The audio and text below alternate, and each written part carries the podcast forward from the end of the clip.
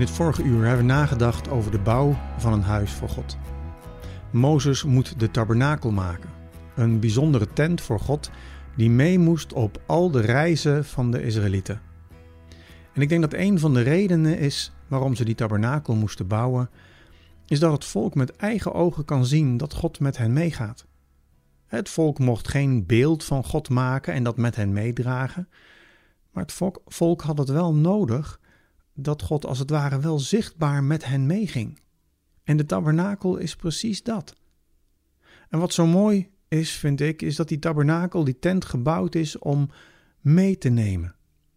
Waar het volk ook heen gaat, daar gaat God mee naartoe. En als je het verhaal leest, dan komt God eigenlijk van de berg af waar de tien geboden zijn gegeven aan het volk. Hij komt van de berg af en gaat wonen bij het volk, tussen hen in.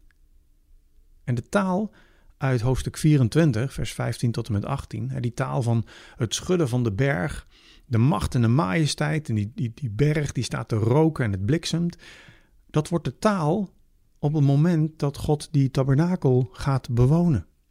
God blijft niet ver weg, maar komt dichtbij in al zijn macht en kracht.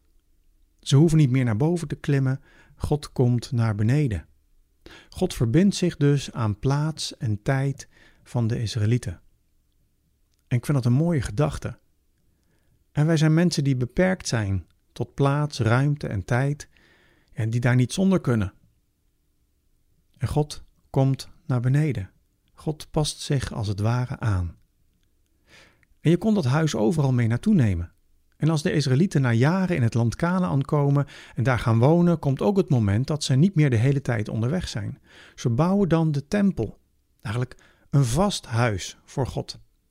En de tabernakel is er dan al lang niet meer, maar een mooi detail is dat de kist met de tien geboden, de ark, nog steeds de draagstangen heeft, lezen we in 1 Koningen 8.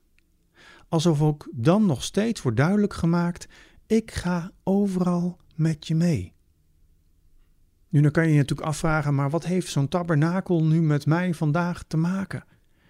Kan ik daar iets mee? Kan ik iets met dat beeld van die tabernakel? Nou, in Johannes 1, vers 14 lezen we misschien wel de mooiste tekst daarover. Daar staat in moeilijke woorden: Het woord van God is vlees geworden en heeft onder ons gewoond. Letterlijk staat daar: Het woord is vlees geworden en heeft onder ons getabernakeld. De schepper, de bron van leven, God die sprak en het was er. De woorden die hebben geklonken in de schepping en in de tabernakel, die woorden zijn vlees geworden. Zichtbaar geworden, mens geworden.